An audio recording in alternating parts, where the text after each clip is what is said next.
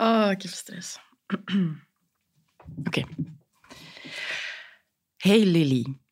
Sorry dat ik je niet kon voldragen en op de wereld kon zetten. Het spijt me dat het ons niet gelukt is. Sorry dat ik je maar zo kort, zo dichtbij kon voelen. Sorry dat ik toen ook zo bleef klagen over de misselijkheid en bang was voor die paar extra streamen die jij ging meebrengen. Maar vooral sorry. Sorry. Oh, ik tril helemaal. Maar vooral sorry dat iedereen jou een foutje van de natuur noemt. Want dat verdien je niet. Jij bent de reden waarom ik mij vandaag sterker voel. Je bent de reden waarom ik deze podcast maak. Jij bent de reden waarom zoveel vrouwen, mannen, zoveel mensen zich gesteund en minder alleen voelen.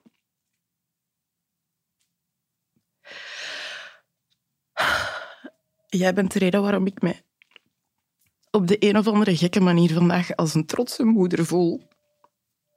Jij hebt van ons een mama en een papa gemaakt en ga nog elke dag aan jou denken. Soms in de lelies die we zien of in ons huis gaan zetten en soms door de liefde die we voelen. Dus sorry, maar vooral dank u wel.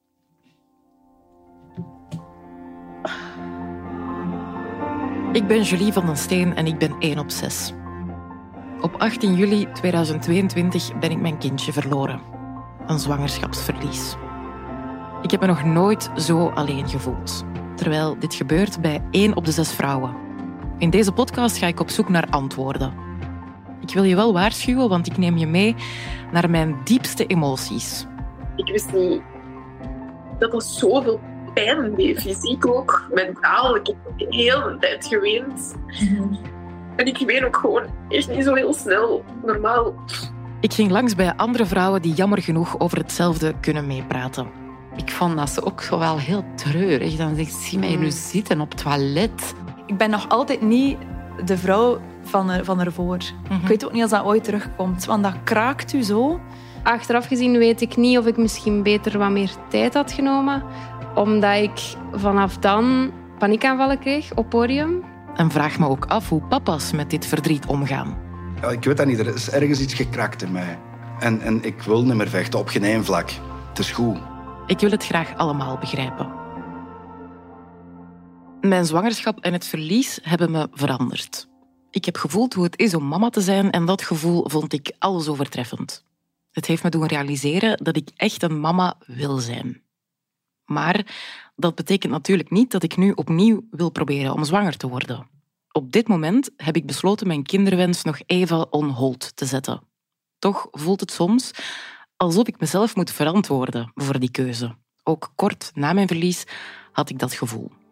Door dan zo 30 te worden, wat ook voor veel mensen het einde van de wereld is, die geven me dan gewoon het gevoel dat al mijn eicellen aan het opgeraken zijn of zo. Allee, Ja, de mensen die vragen van, je bent nu 30, wanneer ga je eraan begin- beginnen? Zo Ah. Ja, en ik vind, stop met die vraag te stellen. Stop daar mee. Je weet niet wat aan de hand is op dat moment. Met die persoon doet dat niet. Nee, dat is inderdaad ook ehm, ja, echt een vraag dat niet veel mensen graag krijgen eigenlijk. Allee, we hebben het nu over een verlies dat niet bespreekbaar is, maar een fertiliteitstraject evenmin. Die zien af als die vraag gesteld wordt. Heel moeilijk. Niet alleen mijn zwangerschap heeft me veranderd, maar ook deze podcast. Al mijn gesprekken waren stuk voor stuk inspirerend en gaven me hoop. Maar ik besef dat de meeste mensen met wie ik sprak al verder staan in hun verwerkingsproces dan ik. Logisch ook. Daarom koos ik voor mijn laatste gesprek om te praten met iemand die, net als ik, nog niet zo lang geleden afscheid heeft moeten nemen van haar kindje. Cato Callebout, de zangeres van de Starlings, maakte anderhalf jaar geleden samen met haar man Tom Dice ook een zwangerschapsverlies mee. Hey. Hey, goedemiddag. Dank je dat ik er mag zijn, ja. Ik zit hier recht in een, eh, in een studio, in een muziekstudio. Wauw, zo cool. Echt binnen in de studio. De hondjes. Twee hondjes. Ja, zalig. Hallo? Ruiken die mijn hondje? Druk jij Dirkie?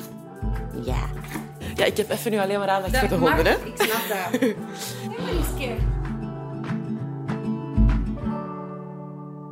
Hoe is het, Kato? Goed. Ja? Ja? Ja? Je ziet er ook goed uit. Dank u. Ik, heb, eh, ik zat een uur in een auto, zoals ik net Ja. zei. Ik heb naar jullie geluisterd, Oké. naar jullie muziek. Er zijn zo'n paar nummers die mij opvielen. Natuurlijk één nummer specifiek. Ik weet niet of dat je al kunt raden over welk nummer dat ik het dan What heb. it's like to feel okay, waarschijnlijk. Exact. Ja. Super herkenbaar, hè? Ja. Zeker dan de reden waarom ik hier ben. Want we zijn natuurlijk omdat we één specifiek ding gemeenschappelijk hebben. Ja, klopt. Ehm, ja. Gaat dat ook daarover? Want voor mij is het herkenbaar... Allee, kan ik dat verhaal daarin Mhm. herkennen? Het gaat over verlies en over hoe dat mensen of andere mensen heel moeilijk weten hoe ze moeten reageren daarop. Exact, ja. Ja. Dat vond ik gigantisch herkenbaar. Ja, ik ben heel veel mensen verloren op een korte periode. En eigenlijk dat nummer is het eerste wat eruit kwam. Ik heb even niet kunnen schrijven. Nadat ik ben eerst mijn oma verloren, mijn mama. Een paar maanden later ons kindje. Dus dat was voor mij even wel echt gewoon te veel. Ja. En dan heb ik een paar maanden niks kunnen doen, omdat dat... Ja, ik denk alles wat wij schrijven is heel persoonlijk. En ja, als je van binnen zo vastzit als iets en gewoon ja, niet meer kunt functioneren, dan kun je ook niet meer schrijven. Ja. En What Is Like To Feel Okay was het eerste nummer dat er terug uitkwam. Ja, dan dachten we wel dat gaan we op de plaats zetten, omdat dat gewoon ook... Dat is een deel van wie dat we zijn en van wie dat ik ben. Dus, ja. Mag ik er naar vragen dan? Tuurlijk, Dus ja. jullie, jullie wouden echt proberen zwanger worden. Dus jullie hebben echt bewust zwanger geworden. Het was een hele, een hele reis. We hebben eerst een paar maanden geprobeerd en dan was het niet gelukt. En dan hebben we gezegd van oké, we gaan even stoppen. Maar op dat moment gingen we net trouwen. En ik wist, want ik neem al heel lang de pil niet, dus ik wist eigenlijk heel goed wanneer ik vruchtbaar was. En dat was eigenlijk op de trouwdag. Oh en dan ja. zeiden we van ja, kijk, als het nu gebeurt, dan gebeurt het. Allee, dan, het is niet dat we dat nu gaan vermijden of zo. Ja. En dat was het gelukt. Dus ik was zwanger op de trouw en dan op de reis ook. Oké. Hoe heb je ontdekt dat je zwanger waart dan? Ik was... eh, normaal ben ik super regelmatig. Ehm, Ah, ja. Echt zo'n een klok. Ja. En ik had al, dat was al een paar dagen dat ik mijn regels niet had. En ik dacht van, dat is vreemd. Maar ik heb dan even gewacht met een test te doen. En ik heb geen test gedaan. Ik ben naar de huisdokter gegaan. En die heeft mijn bloed getrokken. En s'avonds belde hij en hij zei, ja, je bent zwanger. En ik dacht, oké. Hij zei er wel direct bij, maar houd in je hoofd dat het kan misgaan. Ah ja, toch? Ja. En achteraf bleek dat dan dat mijn hormoonwaarden heel laag stonden van mijn zwangerschap. Die HCG. Ja. eh, ja oké. En ja, ik denk dat hij ergens... Vermoeden is, is een raar woord, want je kunt dat niet vermoeden, maar dat hij wel zo wat aangaf van... Als dat niet zo hoog staat, kan het wel zijn dat het nog misgaat. Want hoe lang is dit geleden? Eh, een jaar en een half geleden, ja. Oké. Ja. Dat is wel raar dat je dat nu ook altijd moet zeggen. Ik denk dat... Ja. Toch? Ja, maar het is ook een samenloop van dingen. Want ik, ik heb een auto-immuunziekte, dus ik heb iets aan mijn schildklier. En ze hebben achteraf gezien dat mijn waarden heel laag stonden op het moment dat ik mijn miskraam heb gehad. Maar je schildklierwaarden zijn in het begin superbelangrijk. En sowieso maak ik dat niet goed aan. En hoeveel weken was je zwanger toen je het hebt verloren? Wel, ik was fysiek zeven weken, maar dan achteraf hadden ze gezien dat het niet zo ver was. Ah ja, dat is niet was blijven groeien. Nee, Hoe was dat moment voor u als je dat, dat hebt verloren? Hoe, hoe ging dat fysiek dan en zo? Hoe heb je dat gemerkt? We hadden een show eh, s s'avonds. En Oh. ik merkte, vlak voordat ik opging, ging ik naar het toilet. En ik zag bloed, maar niet veel. En ik dacht, dat is vreemd dat ik dat heb. En dan ben ik op het podium gegaan. Ik heb dat ook niet tegen Tom gezegd, omdat dat was echt vijf minuten ervoor. Dus... Maar dat was heel weinig. Dus ik dacht, ja, misschien kan dat gebeuren of zo. Ja. Van het podium gegaan. En dan eigenlijk, die avond was dat nog altijd heel weinig. Dus ik dacht van ja, ik ga morgen bellen naar een dokter. Ik ga Maar zien dan wat hij zegt. Had je Tom wel al verteld? Ja, ja, dan had ik het. Ja, ja, dan wist Tom het Ja. uiteraard ook. En dan naar huis gegaan. Maar dan de volgende ochtend werd ik wakker en dan was het echt heel duidelijk veel meer. En had ik direct door van dat klopt niet, dat Nee. kan niet juist zijn. Dan had ik de gynaecoloog gebeld en die zei we gaan afwachten, want het was weekend, dus ze konden niet echt iets doen. Ja. Maar ja, ik had dat ook al ik, ik voelde dat wel aan dat dat niet klopte.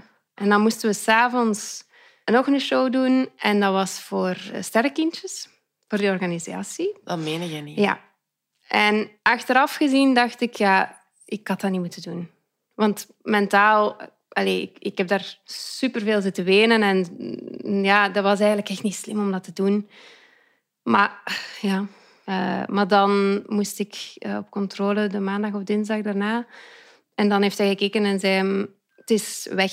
Dus er, het was eigenlijk redelijk snel dat mijn lichaam dat gewoon... ja, Afgestoten Ja. heeft. Ja.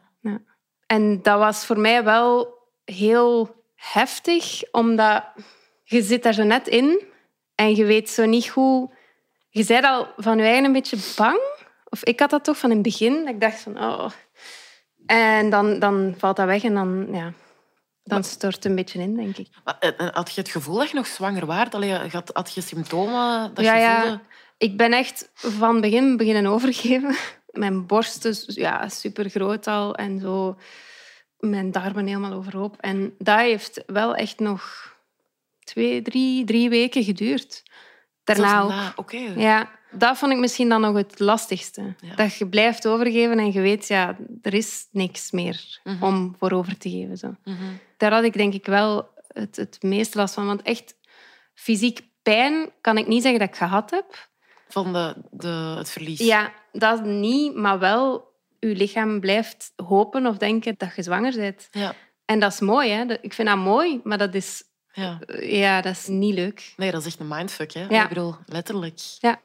Is dat ook de reden waarom dat je niet direct opnieuw kon proberen?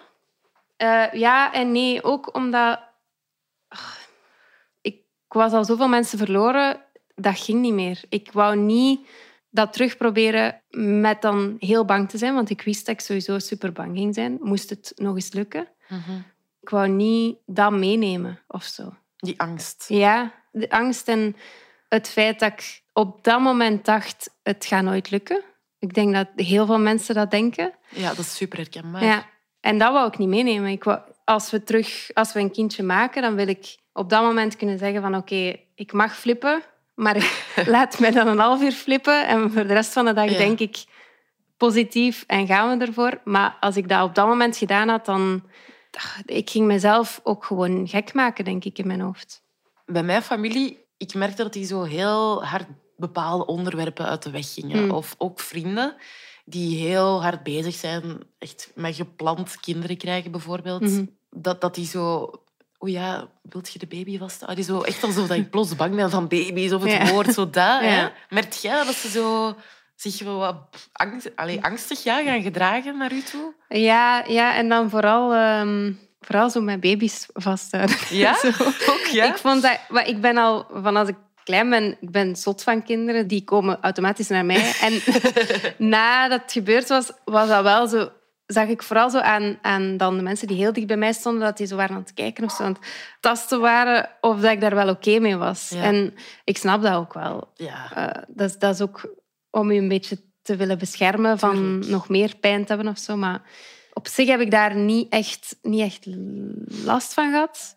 Het enige wat ik wel soms had van zo vijf mensen in de straat, wel, maar ik niet. Zo Ja. dat wel, dat had ik wel. Ik heb zelfs al een paar keer zo in mijn eigen gedacht van... Wauw, dat is zo oneerlijk. Zo. Mm. Hmm, kan dat nu? Waarom, waarom ik niet? Mhm. Wat is er mis met mij? Ja, ik denk eigenlijk dat er ook meer mensen moeilijk zwanger geraken dan dat je denkt. Dat lijkt zo.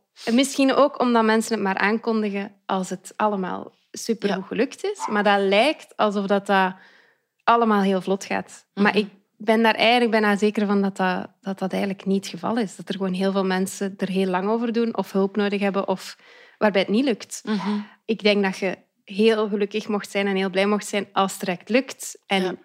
dan ben ik blij voor u. Maar ik denk dat er in heel veel gevallen iets meer werk of tijd eh, inkruipt. En ondertussen anderhalf jaar verder. Ja. En je hebt in die anderhalf jaar tijd dan ook dingen van je kunnen afschrijven, zoals dat nummer bijvoorbeeld. Of mijn vroedvrouw heeft mij bijvoorbeeld eh, aangeraden in de therapie na mijn verlies om een brief aan het kind te schrijven. Ik vond dat super moeilijk.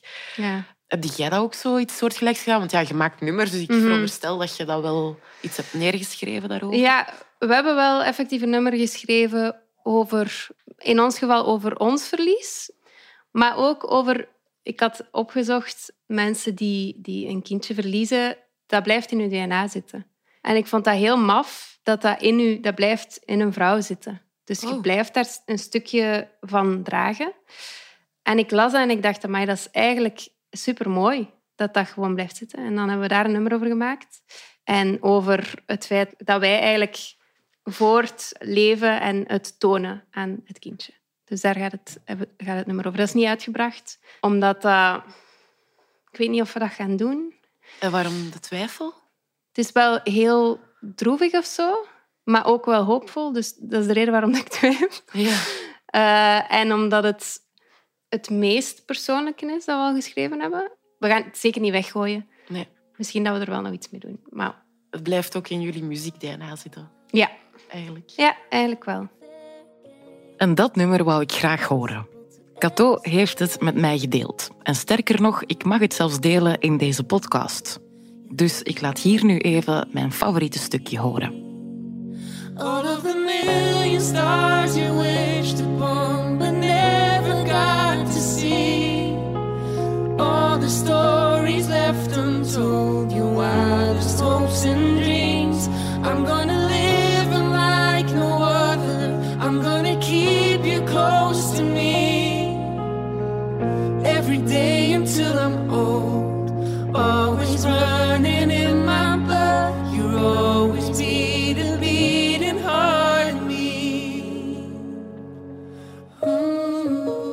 Los van dan het schrijven en, en muziek natuurlijk, wat dan uiteraard uw uitlaatklep is, hoe zet je daar nog mee omgegaan? Heb jij ook therapie gedaan, bijvoorbeeld? Of... Ik ben nog altijd, maar ik ben heel lang bij een therapeut gegaan. Ik wou die schrik niet blijven meenemen.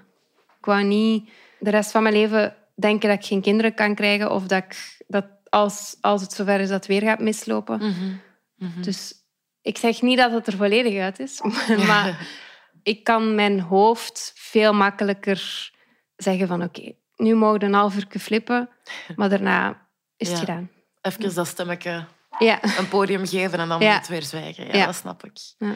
Hoe lang heeft het geduurd? Of ik weet het, allee, ik ga er nu vanuit dat je lang niet hebt opgetreden, maar Mhm. ehm, heeft het lang geduurd hè, dat je dan terug kon? Dat heeft eigenlijk niet zo lang geduurd. En achteraf gezien weet ik niet of ik misschien beter wat meer tijd had genomen.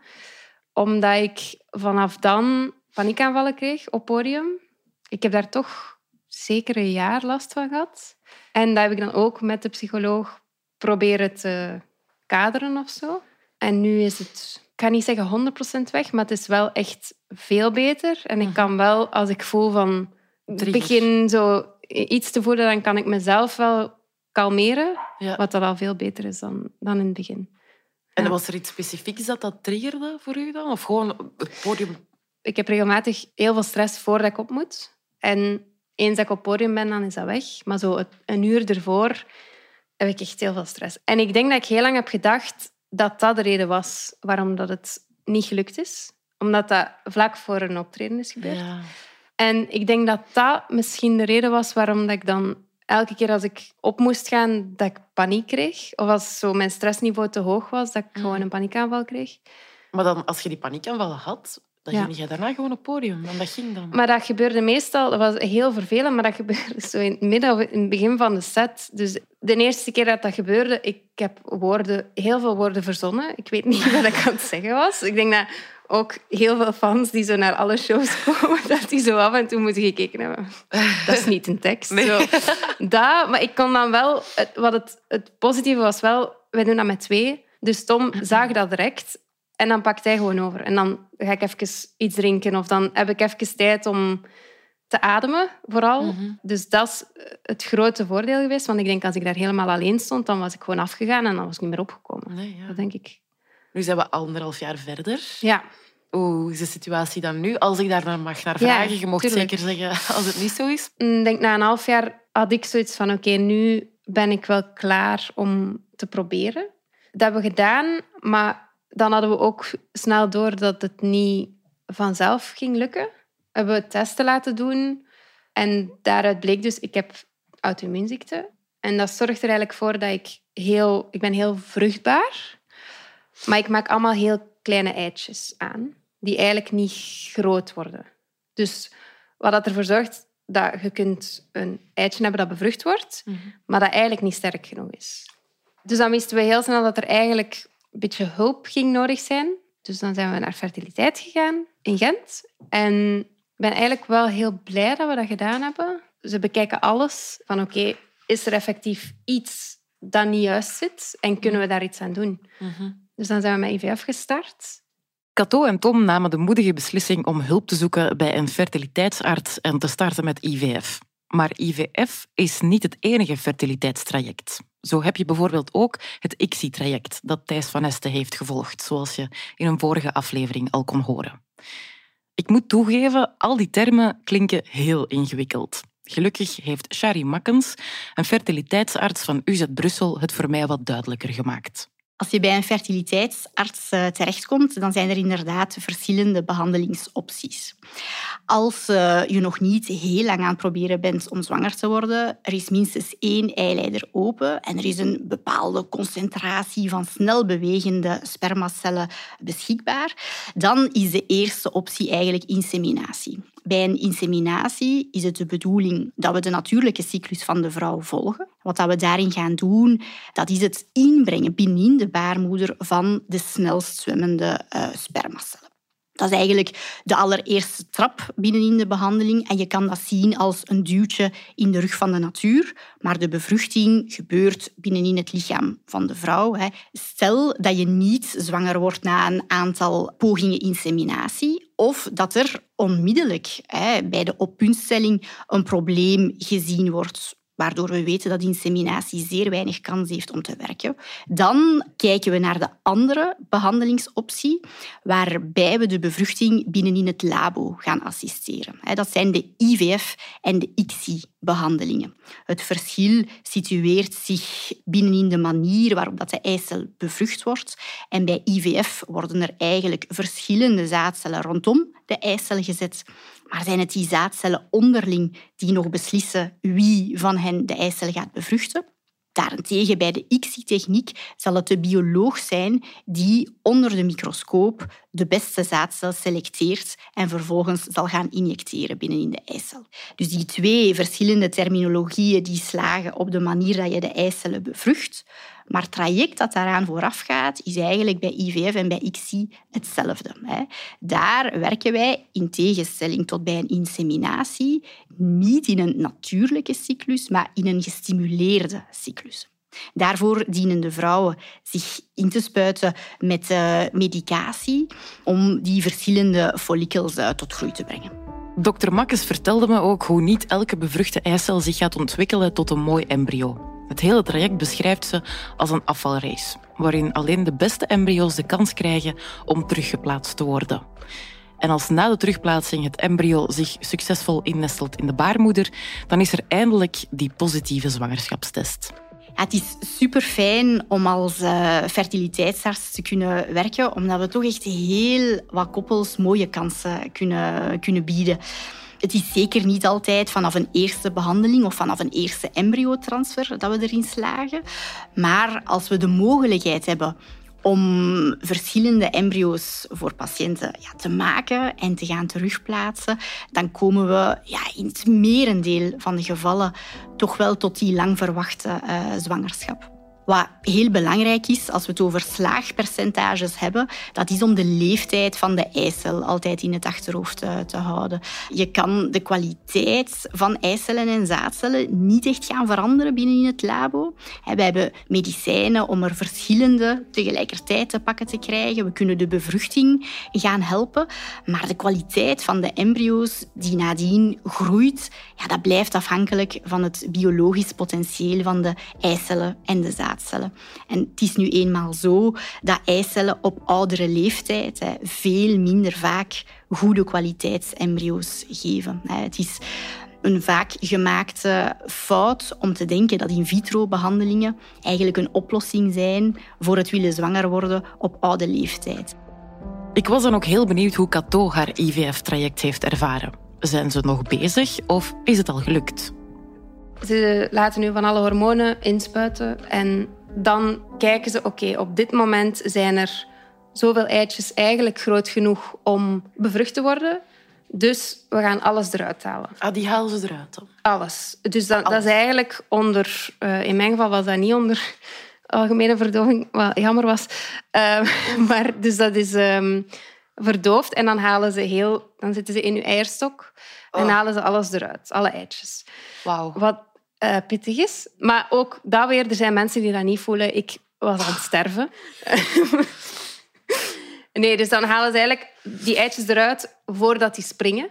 En dan gaan ze echt in een labo je eitje pakken en daar een Ah, ja. spermacelletje bij zetten en hopen dat het bevrucht wordt. En dan vijf dagen later, dus dan moeten vijf dagen wachten, bellen ze u en zeggen ze oké, er zijn er zoveel gelukt. Maar dat is je ook effectief gedaan allemaal, ja, dit? dat Ah, ja, hebben we twee keer gedaan. Dus dat, Twee keer zelfs? ja.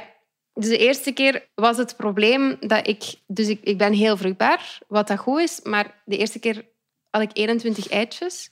Normaal is de bedoeling dat je tussen de 7 en de 13 eitjes hebt. Oké. Van die 21 was er maar eentje gelukt. Wat eigenlijk niet binnen de normale normen ligt. Maar ik vind het Ah, altijd moeilijk om normaal te zeggen. Want, Ja, ja. Beetje dat afwijkend dan. Ja, dat is eigenlijk niet hoe het normaal zou moeten gaan. Dan elke maand moeten wachten, omdat je lichaam...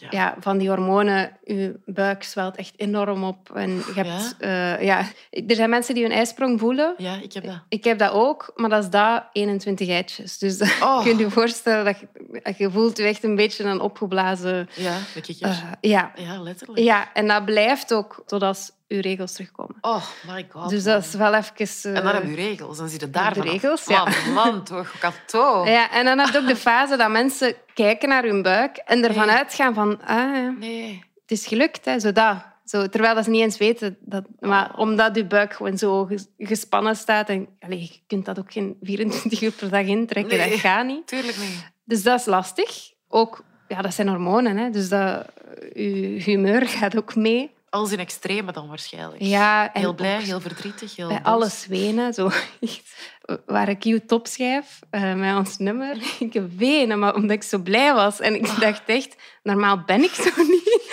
En ik keek naar mezelf en ik dacht, dat doe eens normaal. Maar dat, was echt, dat is zijn echt die hormonen. Maar dus dan hadden we één eitje dat gelukt was. Een embryootje dat gelukt was. En dan moesten we een maand wachten. En dan plaatsen ze dat eigenlijk terug in je baarmoeder. En dan hopen dat het In innestelt. Ja. Eh, je hebt meer kans dat het lukt omdat je embryootje goed is gevormd. Ja. En dan dus was eentje gelukt en de eerste keer was het mislukt. Wat dat ook niet, dat is ook niet abnormaal. Dat, er zijn mensen die heel lang met IVF bezig zijn. En mislukken betekent dan, je hebt je regels, Regels. Ja. Ik vond dat erg, maar ik kon dat wel beter plaatsen. Door het verlies ervoor, Ja. denk je? Ja. Ik denk dat wel. En omdat als je daarin zit, dan beseft je veel meer dat dat echt ook chance is. Normaal, als je een cyclus hebt, heb je één eitje. Mhm. Dus de kans dat het dan lukt, is eigenlijk zot. Dat er Ja. mensen gewoon direct zwanger zijn. Want Ja. dat is, eigenlijk is dat iets dat... Dat is een mirakel. Ja, Dat is echt een mirakel. dus bij, door die IVF had ik wel echt zoiets van... Oké, het is nu niet gelukt, maar ik geloof wel dat het gaat lukken. Dus dat begon wel meer te komen of zo. Mhm. Maar dan moest ik een tweede keer zo'n hormonenkuur doen. Maar ze hebben medicatie aangepast, waardoor dat ik veel minder eitjes had. Waardoor dat ik heel dankbaar ben dat ze dat... Minder pijn. Minder pijn en betere eitjes. Oh, oké. En als je er minder hebt, kunnen die groter worden. Ja, En logisch. sterker worden. Ja.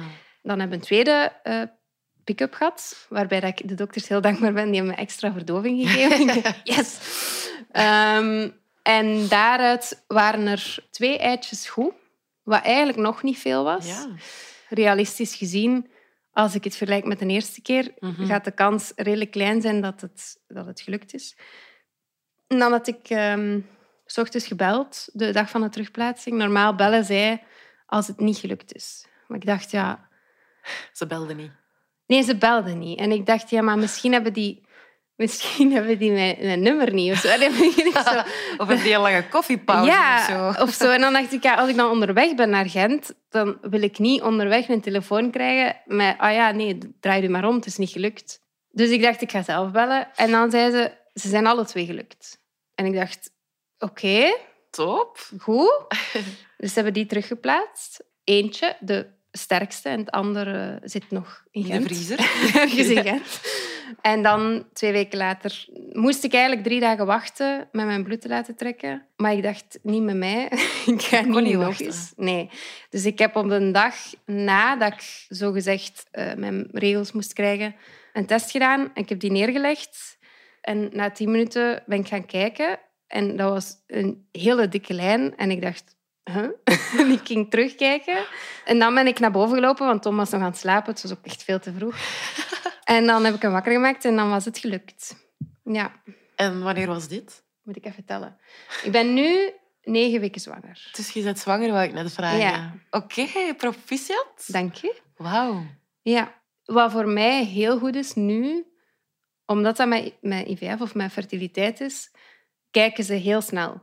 Bij mij was het week 6, week 8 en ze volgen echt op. En als je, dan. ja, en als je belt en zegt, mag ik langs gaan, dan zeggen die, tuurlijk. dus dat is wel goed voor Ja. mijn hoofd. Tuurlijk. Ja. Ik, ik denk dat ik mijn angst heb, maar wel eh, beter kan doseren.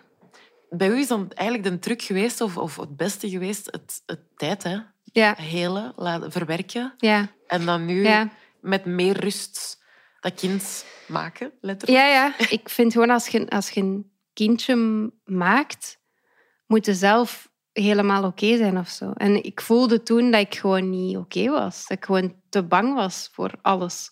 En dat is nu... Ik kan niet zeggen dat ik niet bang ben, Nee, maar ja, maar dat is ook normaal. Die schrik mag ik niet laten overnemen, want dan... Er is ook heel veel reden of kans dat het niet misloopt. En dan ben ik drie, vier maanden bang geweest. Dus dat, dat wil ik dan ook niet. Dus het is zo wat een balans. Daarom dat ik zeg, ik geef mij- mezelf af en toe een half uur per dag dat ik mag stressen. Ik heb mezelf afgeleerd van niet online op van die fora te zitten, want dat is ook echt een... eh, Ja. Dan gaat het echt eh, een put in. ja. Maar voor de rest, ik mag bang zijn en, en ik mag, dat is normaal. Mhm. Eh, maar ik probeer dat wel een korte tijd te hebben en dan voor de rest ervan uit te gaan dat het goed gaat komen. Ja. Het is ondertussen al enkele weken geleden dat ik dit gesprek met Cato heb gehad. Ik vraag me dus af hoe het nu met haar gaat. En met de baby natuurlijk. Hey! Hallo. Hey, je ziet er goed uit. Dank je. Hoe is het? Goed? Ja? Goed? Ja? En met de baby? Heel goed, heel goed. We zijn nu, ehm, ja, ik ga niet zeggen uit de jaarzone, maar ehm 15 weken. Ehm, dus dat begint te tellen. Dus een niptest heb je dan al gehad, uiteraard. Dus dat was allemaal perfect, waar we heel blij om zijn. En eh, we weten ook al wat dat is, maar dat ga ik niet zeggen. Maar je bent wel blij. Ja, tuurlijk. Maar Ja. ik ben met alle twee blij. Dus ja, Gewoon, ik ben blij dat het gezond is. Ah, maar ja, dat snap ik, dat begrijp ik. Dat is inderdaad het belangrijkste. Ehm, wat ik wel ook nog aan het denken was... Ik, ik ben dus een tijdje geleden bij u geweest. En dan heb je, hebt mij toen al verteld dat je zwanger waart. Eigenlijk best wel gek, hè? Dat je dat gedaan hebt, nee? Eh, ja, ja, maar ik zou het opnieuw doen hoor. Ik denk, voor mij is het ehm, leuker om het vroeger te zeggen, denk ik. Ondanks dat er, er kan veel misgaan, dat, dat besef ik ook. Ehm, maar toch voelt dat voor mij alsof het heel ehm, echt is of zo. En ik bedoel niet dat het anders niet echt is, maar dat het wel al zo meteen erkenning krijgt. En, en het is al een klein mensje en zo. En ik ben wel blij dat ik het redelijk snel heb gezegd. En u? En aan, aan- de- eigenlijk de rest wist het nog niet zo snel. Dus eigenlijk Oeh. is het wel de primeur, ja. Ik ben eigenlijk part of the family, dus... Ja, eigenlijk wel. Ik heb, ik heb nog heel veel ook teruggedacht trouwens aan dat moment dat ik daar bij u binnen mocht komen en dat je mij dat verteld hebt en zo. Hoe was dat voor u? Is dat ook, was dat ook verlichtend voor u om dat te kunnen vertellen allemaal? Ja, dat was voor mij wel verlichtend, maar ook, ik heb, ehm, ik heb ook al naar de podcast geluisterd, naar de andere afleveringen. En het luisteren helpt mij ook wel. En ik denk dat dat heel veel mensen ook wel zal helpen. Ik heb uit. Ehm, dus het is een mooie podcast en ik ben heel blij dat ik daar eh, een deeltje van mag zijn. Ja, ik ben daar ook heel, heel, heel blij om. je ziet er ook zo gelukkig uit. Dat is heel fijn om te zien, Kato. Echt. Ja. Heel fijn. Ik wens jullie echt alle, alle, alle goede dingen in de wereld toe. Doe veel groetjes aan, eh, aan Tom, maar vooral aan de hondjes. Ja. Oké, merci. Hè. Ik ben ontzettend blij dat Cato haar kinderwens in vervulling ziet gaan. Zoals Ellemieke zou zeggen, the best is yet to come. Al mijn gesprekken tonen aan dat een zwangerschapsverlies hand in hand kan gaan met mama of papa zijn. Het hoort soms bij het leven van een ouder. Natuurlijk ben ik me ervan bewust dat dit niet voor iedereen de realiteit is. Of nog niet. Een kinderwens die niet vervuld kan worden, laat een diepe impact na. Dat werd ook duidelijk in de berichten die we hebben ontvangen. Dus luisterde ik voor een laatste keer naar onze podcast voicemail. Mijn broer verwacht nu een tweeling. Ehm, binnenkort over een paar maanden. En dat is super moeilijk voor mij, voor ons. Dat is heel triggerend. En ik merkte van mezelf dat ik heel veel afstand nam, automatisch. Dat ik niet meer zelf belde of zelf een mailtje stuurde. Dat ik zelfs niet meer de telefoon opnam toen dat hij mij belde. Dat ik mij daar dan ook super schuldig over voelde. Op het moment dat ik besefte van oké, nu ben ik echt te oud, ehm, misschien niet per se fysiek, maar wel ja, dat ik beslis dat ik op deze leeftijd geen kind meer wil, is dat rouwproces begonnen. Dat is voor mij heel zwaar geweest. Dat was echt, ik voelde hoe definitief dat was en hoe ja, een heel deel van het leven eigenlijk aan u voorbij gaat. Hoe je daar niet aan kan deelnemen dat rouwproces om het kind dat er niet is, dat er had kunnen zijn, had moeten zijn en dat altijd gemist gaat worden. En tegelijkertijd is dat proces om weer opnieuw aan die kinderwens te werken. Ehm, en dat is loodzwaar, hè. Ik ben oprecht zo dankbaar voor iedereen die zijn verhaal met mij deelde. Met mij persoonlijk of in deze podcast. Er zijn ook een paar mensen die je niet kon horen, maar die ik wel graag wil bedanken om samen met mij deze podcast mogelijk te maken.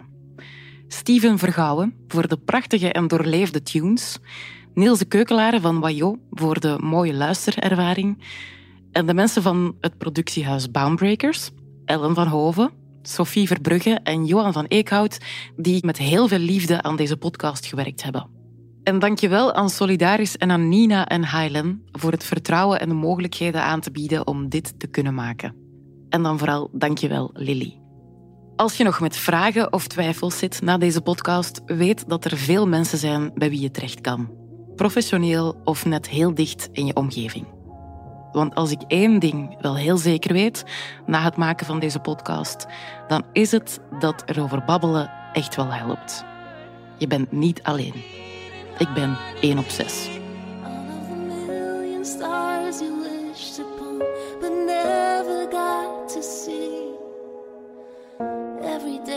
until I'm old, you'll always be